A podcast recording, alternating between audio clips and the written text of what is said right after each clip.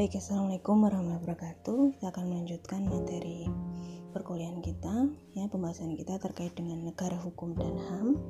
Ya, kali ini saya akan menjelaskan dua materi tersebut karena memang dua materi tersebut merupakan satu kesatuan. Ya. Ini merupakan dua hal yang tidak bisa dipisahkan satu sama lain.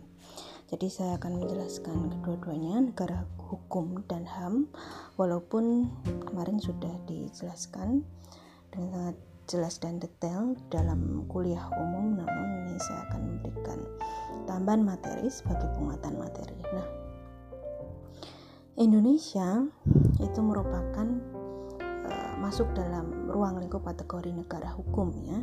Karena hal ini secara umum kalau kalian di, lihat di Undang-Undang Dasar 45 di pasal 1 ayat 3 itu disebutkan bahwa negara Indonesia adalah negara hukum ya. Jadi sudah sangat jelas disebutkan di situ bahwa Indonesia merupakan negara hukum karena sudah dijelaskan di dalam konstitusi atau undang-undang dasar Negara Republik Indonesia tahun 1945.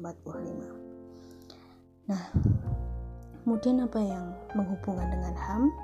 Bahwa HAM di sini itu adalah merupakan hak yang sudah melekat di dalam diri manusia di mana kebenaran keberadaan uh, HAM itu sendiri itu merupakan suatu hak yang harus mendapatkan penghormatan ya. dia harus dijunjung tinggi dijaga dan dilindungi oleh setiap uh, individu atau setiap warga negara nah antara negara hukum dan HAM itu pembahasannya menjadi uh, dua hal yang tidak bisa dipisahkan satu sama lain ya. mengapa karena Salah satu argumentasi hukum yang mendasari terkait dengan uh, pernyataan tersebut diajukan adalah terkait dengan uh, relasi ya, yang ada di antara keduanya. Adalah bahwa uh, dengan berdirinya atau dengan adanya negara hukum itu sendiri, itu salah satunya adalah di dalamnya ada jaminan perlindungan terhadap hak asasi manusia. Sehingga logika yang bisa disepakati bersama adalah bahwa e, jaminan perlindungan HAM atau hak asasi manusia itu memang dilindungi di dalam negara hukum. Nah, otomatis jika dalam sebuah negara itu di dalamnya kok hak asasi manusia tidak mendapatkan perlindungan, maka otomatis negara tersebut bukan bagian dari negara hukum, ya. Karena salah satu ciri negara hukum itu sendiri adalah di dalamnya terdapat jaminan perlindungan hak asasi manusia. Selain itu, di dalam negara hukum sendiri itu berkembang prinsip bahwa pemerintah itu dijalankan itu harus berlandaskan atau berland, berdasarkan hukum. Jadi hukum di sini itu merupakan otoritas yang uh, tertinggi sehingga konsekuensinya adalah semua warga negara itu harus tunduk kepada hukum dan otomatis mendapatkan hak atas perlindungan hukum ya jadi eh, penyelenggaraan pemerintah itu harus dilandaskan pada hukum ya sehingga uh, otomatis uh, warga negara yang ada di dalamnya itu harus tunduk pada aturan dalam negara tersebut dan mendapatkan jaminan uh, hak atas perlindungan hukum. Nah, hal itu juga uh, merupakan salah satu bentuk jaminan ya bentuk perlindungan HAM itu adalah salah satunya adalah di jaminnya perlindungan hukum uh, bagi warga negara yang ada di dalam negara tersebut ya sehingga uh, supremasi hukum dan uh, kedaulatan rakyat itu uh, merupakan dua prinsip yang harus ada di dalam negara hukum. Nah, selanjutnya HAM itu sendiri merupakan hak yang dimiliki manusia sejak uh, lahir ya yang memiliki keberlakuan otomatis seumur hidup dan tidak dapat diganggu gugat oleh uh, siapa pun. Nah, di sini HAM uh, itu sebagai uh, kebebasan ya di satu sisi, namun di sisi lain uh, jika itu ada di dalam negara hukum juga tidak terlepas oleh norma-norma hukum dan norma-norma sosial yang berlaku di masyarakat sehingga HAM yang dijamin di dalam negara hukum itu kebebasannya tidak bersifat mutlak absolut tetapi juga uh, tidak terlepas ya uh, berdasarkan norma-norma hukum dan sosial yang ada di masyarakat. Sehingga uh, dijaminnya HAM dalam negara hukum itu sendiri juga tidak boleh uh, bebas ya artinya tidak uh, boleh uh, kemudian uh, keberlakuannya menjadi sewenang-wenang ya. Sehingga tetap kebebasan yang dilindungi sebagai perwujudan HAM dalam negara hukum itu tetap kebebasan yang bertanggung jawab. Artinya tidak boleh keluar dari sisi norma-norma keberlakuan hukum dan juga norma sosial yang ada di masyarakat tersebut. Nah, adanya konsep negara hukum ini sebenarnya merupakan konsep yang uh, sudah lama ya mengalami perkembangan sejak zaman Yunani. Nah kalau uh, kita lihat uh, dulu itu ada uh, apa namanya filsuf-filsuf terdahulu ya salah satunya adalah Aristoteles itu memiliki pandangan bahwa negara hukum yang dimaksud negara hukum ya sesungguhnya itu adalah negara hukum yang bisa memberikan keadilan bagi warga negaranya. Sehingga uh, yang memerintah dalam uh, sebuah negara uh, tersebut uh, bukan manusia yang memerintah negara melainkan pikiran yang adil yang tumbuh di dalam manusia tersebut yang uh, kemudian membentuk hukum dan kemudian melahirkan keadilan bagi warga negara yang ada di dalamnya. Nah, itu prinsip yang dianut oleh Aristoteles terkait dengan konsepsi negara hukum. Nah, secara etimologi ya, bahasaan negara hukum itu dengan uh, konsepsinya itu dikenal dengan istilah Rechtsstaat ya atau rule of law. Yang keduanya Bekerrechtsstaat atau rule of law ini merupakan sebuah konsepsi yang berkembang di Eropa sejak abad 18 atau 19. Nah, terkait dengan uh, apa ciri-ciri negara hukum berdasarkan rule of law maupun Rechtsstaat ini kita akan mempelajari bersama-sama ya. Jadi uh, ada uh, perbedaan ya ciri negara hukum antara uh, dan juga rule of law. Kalau rule of law itu ciri-ciri negara hukum menurut uh, AVDC ya. Yang pertama adalah adanya supremasi hukum. Kemudian yang kedua ada uh, equality before the law ya, bersamaan di hadapan hukum dan uh, yang ketiga ada jaminan uh, hak asasi manusia sedangkan kalau kita melihat ciri-ciri Rechtsstaat ya menurut FG Stoll nah itu juga hampir sama yang pertama adalah uh, adanya pemerintahan yang berdasarkan atas hukum atau Witmatiheid uh, van Bestur ya. Kemudian yang kedua ada uh, pembagian atau trias politika pembagian kekuasaan dalam negara hukum tersebut ya. Misalnya kalau di negara Indonesia itu sendiri kekuasaan dibagi antara kekuasaan legislatif, yudikatif dan eksekutif ya. Legislatif dijalankan oleh DPR, eksekutif dijalankan oleh pemerintah dan yudikatif dijalankan oleh badan kehakiman. Nah, kemudian yang ketiga, ciri yang ketiga adalah jaminan hak asasi manusia dan kemudian ciri yang keempat adalah peradilan administrasi. Jadi uh, di dalam konsep Rechtsstaat maupun rule of law ya, konsep negara hukum yang berkembang di Eropa ini sebenarnya sama uh, mempunyai uh, satu tujuan yang sama yaitu sebagai pengakuan dan perlindungan atas jaminan hak asasi manusia. Nanti kita coba lihat ya sejarahnya kok bisa seperti itu bagaimana. Nah, kalau kita menyinggung di negara kita sendiri ya atau negara NKRI itu sendiri itu merupakan uh, rehstat ya masuknya adalah uh, merupakan bagian dari negara hukum ya.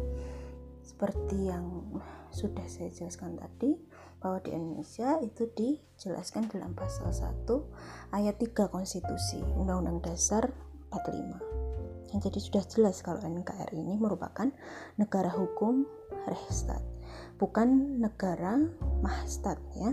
Maksudnya mahstat di sini adalah negara kekuasaan. Dengan kata lain, ya, pemerintah yang pemerintahan yang dijalankan itu legalitasnya itu ber, berlandaskan pada hukum, berlandaskan pada konstitual konstitusionalisme ya. Jadi bukan berlandaskan pada absolutisme berlandaskan pada konstitusionalisme itu maksudnya bagaimana? Maksudnya bahwa segalanya itu ya tindakan pemerintah itu harus berlandaskan pada peraturan perundang-undangan. Jadi segala tindakan pemerintah itu juga sudah diatur di dalam apa yang dinamakan sebagai konstitusi. Nah, kalau di Indonesia itu pengaturannya semuanya diatur di dalam Undang-Undang Dasar 45 yang kemudian diturunkan lagi ke e, bentuk peraturan perundang-undangan yang berada di bawahnya. Misalnya dalam bentuk e, TAP MPR kemudian dalam bentuk e, undang-undang kemudian perpres atau perda e, kemudian PP dan lain sebagainya. Nah jadi di NKRI sendiri itu bukan merupakan negara berdasarkan kekuasaan yang sifatnya absolutisme tetapi lebih pada negara hukum ya Torestat. Sehingga ya di Indonesia sendiri itu penyelenggaraan pemerintahan itu harus dengan adanya landasan dari hukum atau yang dikenal sebagai Wetmatiheid van Bestuur. Ini asas uh, apa namanya? Atau bahasa Belandanya ya, Wetmatiheid van Bestuur. Wet itu artinya undang-undang, kemudian Bestuur itu artinya pemerintahan, sehingga kalau wit mati head van artinya pemerintahan berdasarkan undang-undang. Sehingga kekuasaan yang dijalankan oleh pemerintah itu basisnya adalah kedaulatan hukum. Nah kemudian apa yang uh, disebut sebagai supremasi hukum ya? Karena sebagaimana yang uh, saya jelaskan tadi di atas bahwa ada dua prinsip yang harus ada dalam dijamin dalam negara hukum adalah yang satu adalah e, supremasi hukum dan yang satu adalah kedaulatan hukum dan kedaulatan rakyat. Nah, jadi e, supremasi hukum di sini adalah mengandung makna bahwa hukum itu bersifat suprem ya, artinya hukum itu berada di posisi yang e, tertinggi. Sehingga otomatis uh, kalau adanya supremasi hukum itu kemudian tidak bisa mengabaikan tiga ide dasar hukum ya ini menurut Gustav Fritz Brutz ya itu bahwa uh, pada dasarnya dalam penegakan hukum itu harus memperhatikan tiga faktor yang utama yang pertama adalah uh, faktor kepastian hukum ya. yang kedua ada keadilan hukum dan yang ketiga ada kemanfaatan hukum. Nah, ketiganya ini harus sama-sama dijamin ya di dalam supremasi hukum. Artinya bahwa eh, di dalam kehadiran hukum itu tidak bisa meniadakan salah satu asas dan uh, mengutamakan asas yang lain di dalam penegakan hukum. Nah, ini uh, contohnya ada banyak ya di Indonesia bahwa antara ketiga asas ini sebetulnya dalam penegakan hukum di Indonesia itu saling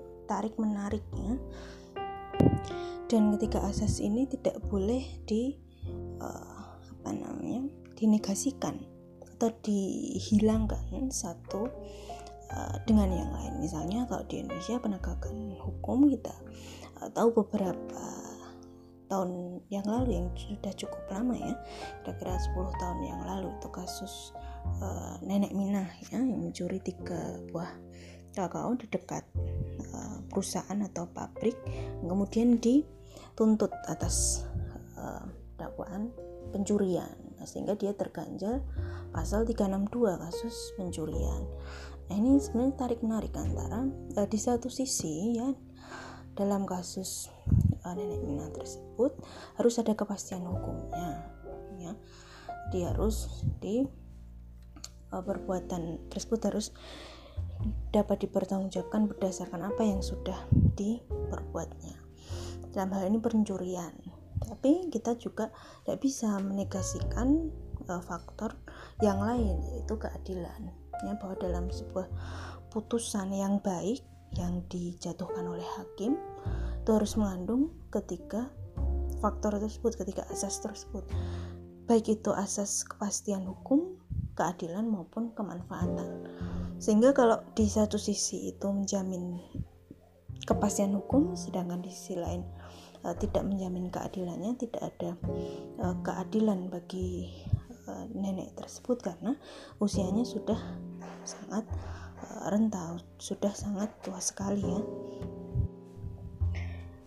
Yang kemudian mengharuskan dia uh, mendapatkan hukuman ya bahwa kalau uh, nenek sudah usianya renta tersebut kalau secara hati nurani itu uh, juga tidak adil ya. Kalau masih di penjara namun menggunakan hukum di Indonesia ya karena putusan yang baik itu uh, seharusnya dapat meleburkan ketika asas tersebut baik itu kepastian keadilan maupun kemanfaatan sehingga dalam putusan hakim tersebut juga tidak pure dari perbuatan yang dilakukan oleh seseorang tersebut tapi juga kita harus mendasarkan pada hati nurani. Nah, di sini hakim berperan sangat besar ya. Itu terkait dengan keyakinan hakim dalam memutuskan itu merupakan uh, puncak segala-galanya.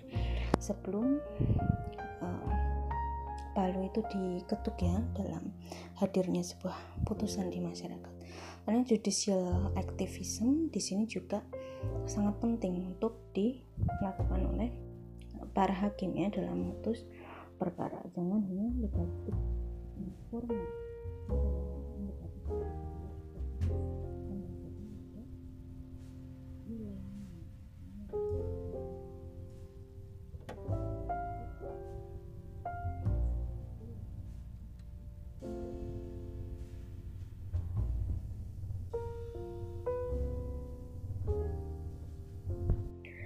Kemudian uh, kasus yang lain itu juga uh, di Indonesia uh, adalah uh, dimuatnya aturan atau keluarnya putusan MK terkait dengan uh, peninjauan kembali ya yang merupakan upaya hukum yang bisa diajukan berkali-kali. Nah, ini juga di satu sisi itu membuka sangat lebar ya ruang keadilan bagi mencari keadilan yang dia sudah uh, pernah PK, pernah pen, uh, pernah mengajukan upaya hukum peninjauan kembali, kemudian ingin PK yang kedua itu juga um, sangat uh, membuka akses to justice bagi pencari uh, keadilan. Nah, keluarnya putusan MK salah satunya berkaitan dengan kasus pembunuhan Nazarudin ya. Nazarudin Zulkarnain ya. sudah 10 eh, tahun lebih yang di apa namanya dilakukan oleh Antasari nah kemudian terbukalah uh, celah jalan selanjutnya dia bisa mengajukan PK selanjutnya nah tapi dari sisi Mahkamah Agung sudah diatur bahwa PK itu hanya sekali sehingga uh, yang diprioritaskan harusnya adalah kepastian hukum. Bagaimana jika ada PK yang kemudian sampai uh, eh, 100 kali atau lebih dari 10 kali. Nah, itu akan uh, selain menambah beban perkara di Mahkamah Agung juga tidak akan menjamin kepastian hukum. Nah, jadi ada uh, saling tarik-menarik antara asas-asas yang harus diperhatikan dalam menjatuhkan putusan yang ada di masyarakat ya dalam penegakan hukum di Indonesia. Nah, itu merupakan salah satu bahasan yang cukup pentingnya di dalam negara hukum kaitannya. Nah sekarang saya akan melanjutkan dengan bahasan tipe-tipe negara hukum. Nah jadi negara hukum itu ada jenis-jenisnya atau ada tipe-tipenya. Bahwa e, negara hukum secara garis besar itu dibagi menjadi empat jenis ya. Yang pertama ada negara policy, kemudian negara hukum liberal, kemudian negara hukum formal, dan yang terakhir adalah negara hukum material. Nah, sebelum kita membahas ya terkait dengan jenis-jenis negara hukum tersebut, nah ini saya akan uh, menjelaskan yang tadi ya sejarah antara Rechtsstaat dan juga rule of law ya kenapa kedua-duanya penting dalam uh, berdirinya negara hukum dan hak asasi manusia. Nah, sebenarnya um, Rechtsstaat ya maupun rule of law ini keduanya itu adalah sebuah konsepsi ya. Konsepsi negara hukum yang uh, berkembang pesat di Eropa. Kalau Rechtsstaat itu dipopulerkan oleh Frederick Julius Stoll ya dalam sejarah uh, negara hukum yang berkembang di Prancis. Nah, kalau rule of law ini dipopulerkan oleh Avedise. Nah, pada dasarnya kedua konsepsi ini menuju atau mengarah pada tujuan yang sama, yaitu pengakuan adanya pengakuan dan perlindungan hak asasi manusia. Sehingga konsep Rechtsstaat itu merupakan konsep yang uh, lahir dari uh, perjuangan menentang absolutisme. Ya, ini kalau di di revolusi Prancis sehingga sifatnya lebih revolusioner. Nah, ini akan saya terangkan nanti terkait dengan tipe-tipe negara hukum kok bisa Rechtsstaat itu lahir dari perjuangan menentang absolutisme. Ya Nah, beda dengan rule of law. Kalau rule of law ini uh, berkembang secara evolusioner. Salah satu contoh negara yang menganut rule of law ini adalah Inggris. Sehingga yang satu revolusioner itu uh, bangkit akibat absolutisme dalam negara hukum perjalanan berhukum dalam sejarah Prancis. Kemudian kalau yang satu sifatnya evolusional ya Nah, bedanya apa? Bedanya adalah bahwa konsep Rechtsstaat ini bertumpu itu pada sistem hukum kontinental disebut civil law yang kemudian mempunyai karakteristik yang sifatnya administratif. Nah, sehingga uh, di Indonesia sendiri itu juga mengandung konsep uh, Rechtsstaat ya dengan uh, sistem hukum civil law yang dipengaruhi oleh negara Eropa kontinental yaitu uh, dulu Prancis kemudian Prancis mempengaruhi Belanda Belanda menjajah Indonesia dan kemudian Indonesia tidak bisa lepas uh, dari pengaruh uh, Belanda di dalam uh, praktek berhukum dalam sebuah negara. Nah, sedangkan konsep rule of law itu bertumpu pada sistem hukum yang disebut common law. Jadi sifatnya adalah judicial artinya di sana uh, hukum itu dibuat itu tidak didasarkan pada peraturan perundang-undangan tetapi didasarkan pada judicial artinya putusan-putusan hakim ya. Jadi uh, misalnya ada suatu perkara itu dicari putusan hakim yang sama dan kemudian dijadikan uh, apa namanya uh, hukum yang selanjutnya di sana. Jadi tidak diputus berdasarkan peraturan perundang-undangan tetapi sifatnya adalah judgment law jadi hakim yang membuat hukumnya kalau di negara dengan konsepsi rule of law. Nah persamaannya di mana? Nah, tadi sudah saya jelaskan ciri-ciri masing-masing ya dari negara hukum dengan uh, konsep Prehstat maupun rule of law. Itu persamaannya adalah bahwa keduanya itu pada hakikatnya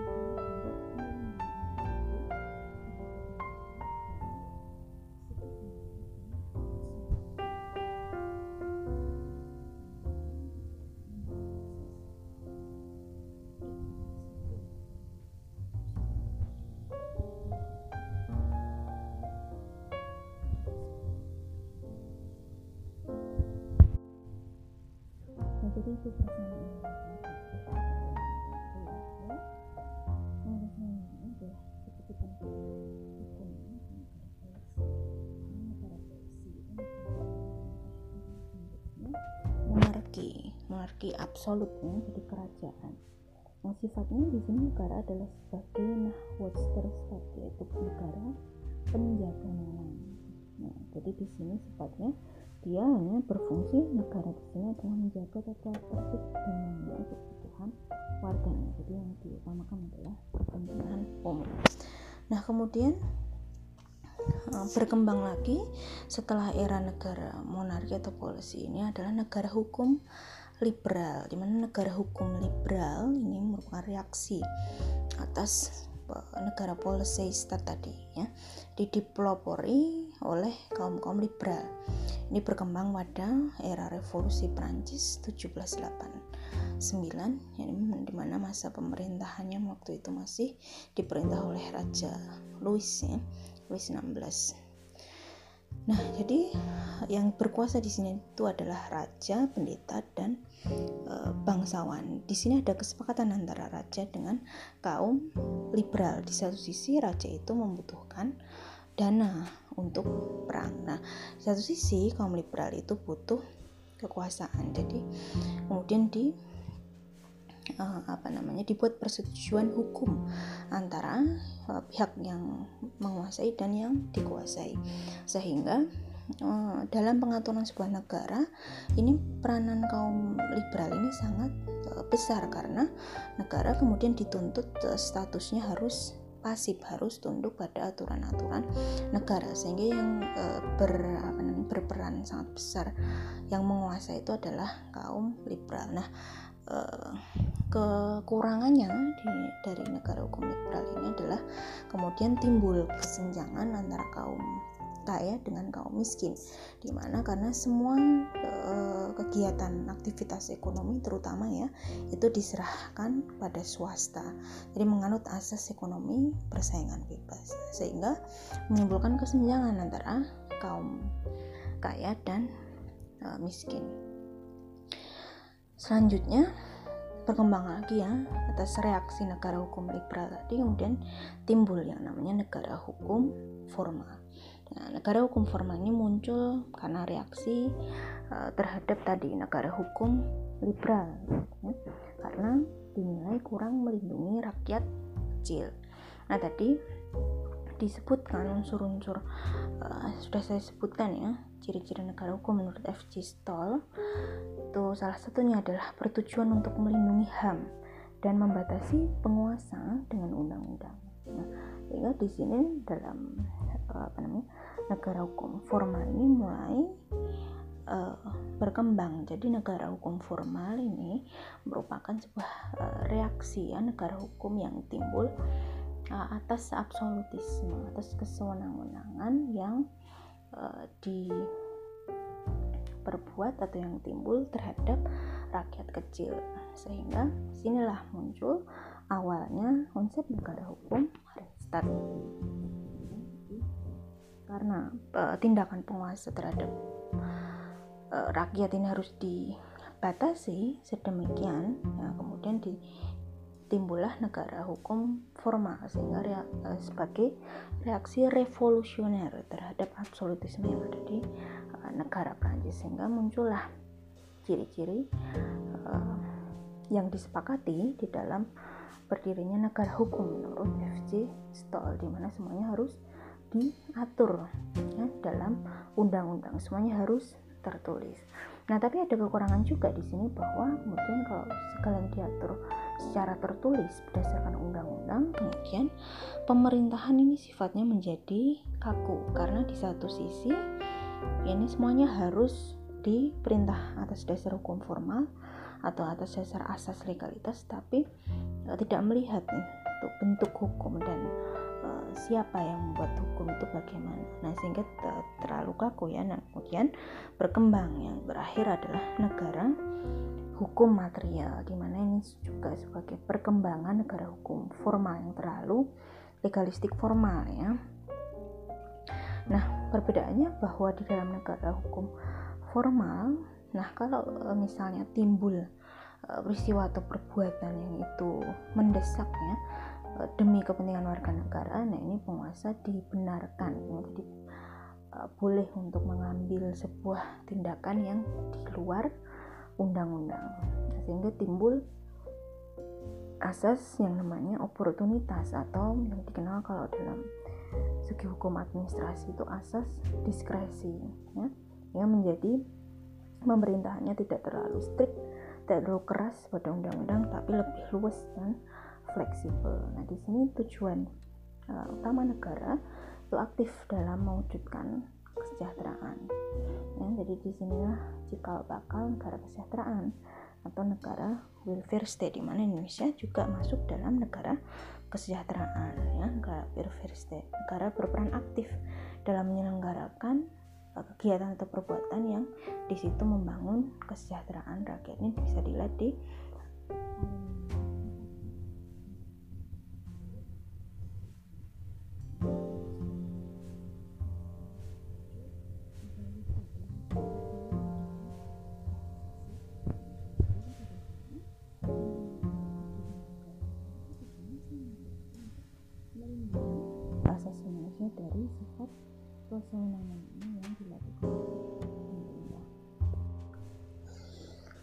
sehingga uh, konsepsi negara yang dibangun di Indonesia ini adalah merupakan negara hukum yang dipengaruhi oleh hukum Belanda.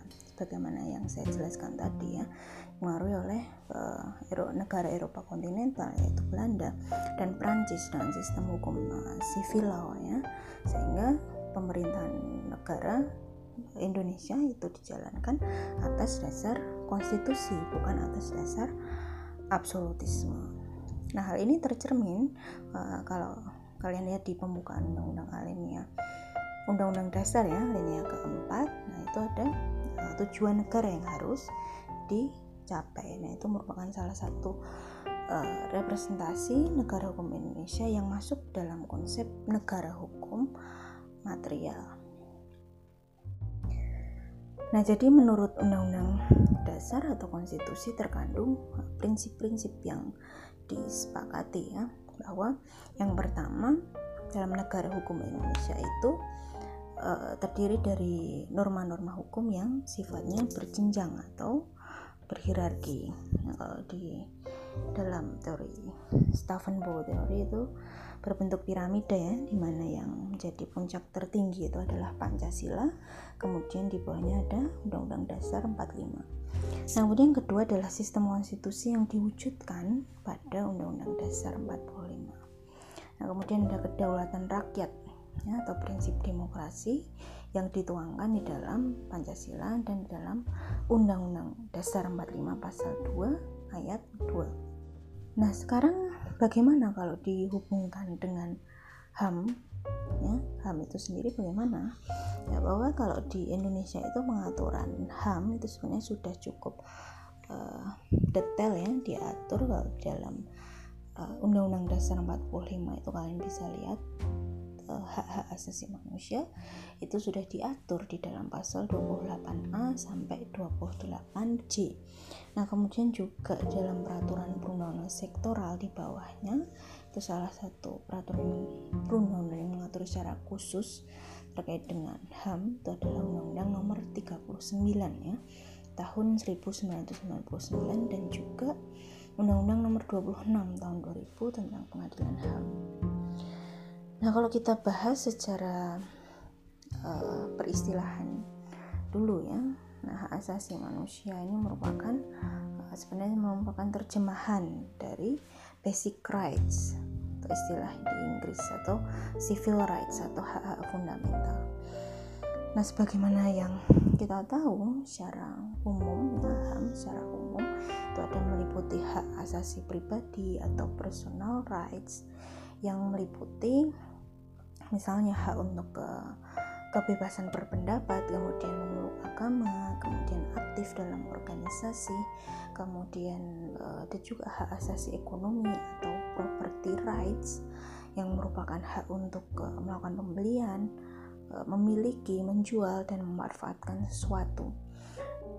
Kemudian selanjutnya ada juga hak asasi politik ya atau politik rights itu hak untuk ikut serta dalam pemerintahan kemudian juga juga hak asasi hukum ya, atau rights of legal equality.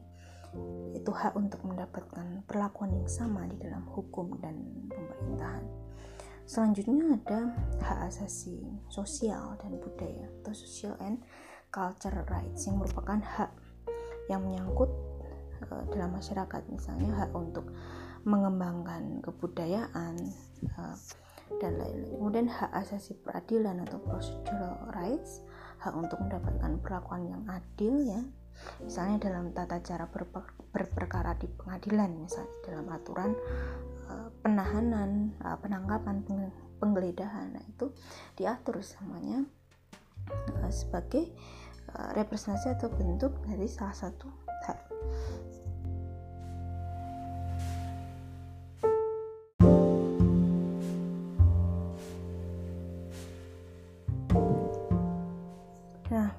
terkait dengan HAM itu sendiri selain juga sudah diatur di dalam peraturan perundang-undangan di Indonesia, diatur dalam konstitusi, diatur dalam undang-undang dan juga uh, diatur dalam peraturan perundang-undangan yang lain misalnya TAP MPR HAM itu juga uh, dulunya dalam sejarahnya juga sudah diatur yang melalui perkembangan sifatnya evolusional ya. Misalnya kita tahu di dalam naskah-naskah internasional juga dipelopori.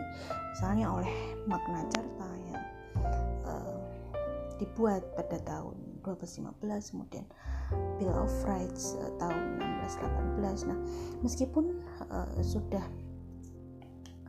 uh, terdapat ya aturan yang mendasar yang cukup uh, detail yang memberikan uh, perlindungan uh, terhadap hak asasi manusia baik itu di dalam perkembangan peraturan hukum internasional maupun juga perkembangan hukum nasional di Indonesia sendiri kita tidak bisa memungkiri bahwa ternyata di dalam sejarah perlindungan HAM di Indonesia itu sendiri juga masih sangat uh, lemah ya penegakan hukum terkait dengan pelanggaran HAM. Karena kita tahu banyak sekali kasus-kasus pelanggaran HAM uh, yang salah satunya adalah yang belum sampai kini belum terselesaikan semuanya adalah uh, kasus pelanggaran HAM di masa lalu yang tergolong uh, berat. Namun uh, belum mendapatkan respon yang cukup dari pemerintah terkait dengan penyelesaian sengketanya. Nah ini merupakan tanggung jawab kita uh, bersama ya bahwa uh, di sini yang mau saya tekankan bukan pada uh, pelanggaran HAM-nya, namun uh, pada siapa yang harus bertanggung jawab ke depannya memajukan HAM ini uh, ke depannya untuk uh, generasi untuk masyarakat Indonesia. Nah, kalau kita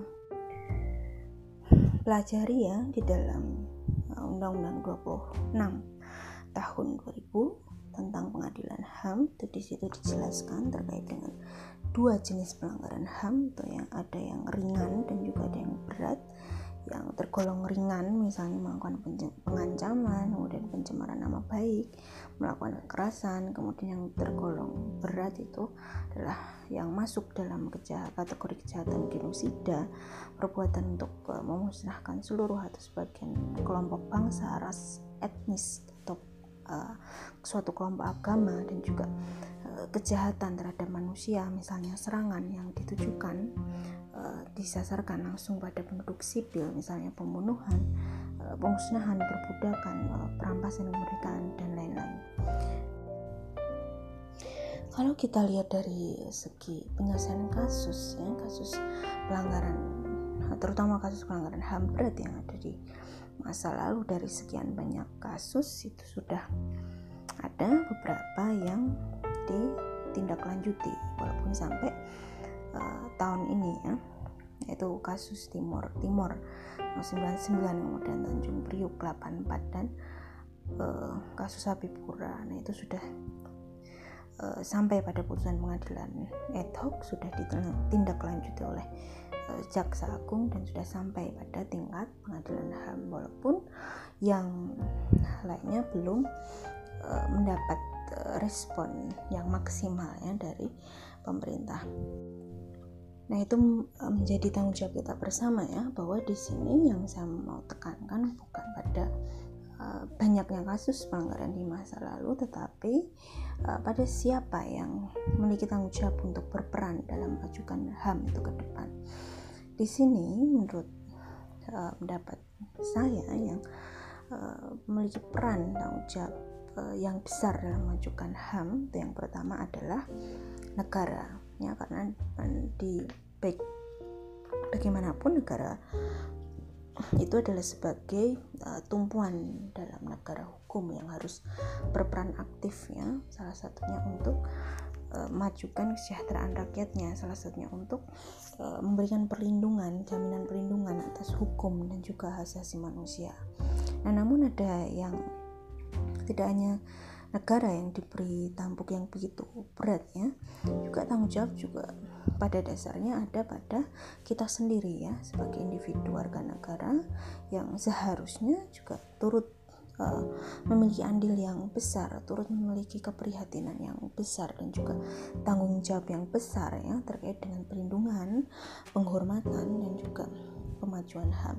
Bisa kita mulai dari hal-hal yang kecil misalnya uh, ini juga merupakan salah satu pengamalan nilai-nilai Pancasila walaupun hanya dalam tindakan-tindakan atau perilaku-perilaku yang sederhana. Nah, itu merupakan cikal uh, bakal dari perbuatan yang lebih besar ya kalau kita, kita bisa menanam dan memupuknya. Misalnya saling menghormati dan menghargai antara sesama uh, manusia dan juga sama kelompok agama dan juga etnis. Nah, itu merupakan Eh, perilaku-perilaku atau nilai yang nilai-nilai moral yang sepele namun memiliki impact atau dampak yang besar ketika itu diperhatikan oleh kita ya. Apalagi sekarang zamannya gadget ya jadi semua uh, tindakan kita itu kebanyakan disalurkan melalui uh, gadget. Nah jangan sampai um, apa namanya kasus-kasus uh, pelanggaran HAM dalam bentuk yang ringan itu justru kita uh, lakukan sendiri ya. Walaupun dalam sumbangsih yang uh, baru dalam uh, jumlah yang kecil ya beberapa persen. Tapi itu cukup berpengaruh jika di apa namanya tidak ditanam sejak uh, dini ya. Terutama bagi generasi milenial ya. Jadi kita juga harus uh, apa namanya saling menghargai itu kita wujudkan di dalam kehidupan kita sehari-hari kehidupan kaum milenial kehidupan di aktivitas yang kita lakukan ya di, di jejaring sosial media di internet misalnya uh, janganlah uh, misalnya ya dalam kegiatan yang uh, sangat kecil janganlah kita memberikan dampak yang buruk kepada orang lain misalnya saling membuli, saling menghina, saling melecehkan ya. Karena ba banyak ya dengan seiringnya apa namanya teknologi ini bukan malah memberikan impact yang baik apalagi ini masa pandemi ya, ya masa masa semuanya masih dalam keadaan susah ya kita harus bisa menyesuaikan sebagai generasi muda tidak hanya berbaku tangan tetapi ikut bertanggung jawab dalam melaksanakan tujuan negara menjaga perdamaian kemudian um, stop um, melakukan hal-hal yang mengarah atau mendekatkan kita pada membuli teman kita sendiri. Nah itu merupakan cikal bakal dari cyber crime juga ya dan juga berpengaruh nantinya kepada tindakan yang ada kaitannya dengan hak asasi manusia walaupun dalam tingkat yang kecil atau relativitas yang kecil ya beberapa persen ya. Namun itu memberikan sumbangsi yang besar ketika itu tidak dilaksanakan dengan baik. Nah mungkin itu saja terkait dengan materi kita negara hukum dan ham ya. Yang intinya kita harus uh, mengamalkan dan menghayati nilai-nilai Pancasila walaupun itu diwujudkan dalam perbuatan-perbuatan atau nilai-nilai moral atau sikap dan etika yang kecil yang kita mulai dari diri kita sendiri. Baik, terima kasih atas kesempatan dan atensi untuk mendengarkan dari adik-adik mahasiswa. Saya Assalamualaikum warahmatullahi wabarakatuh.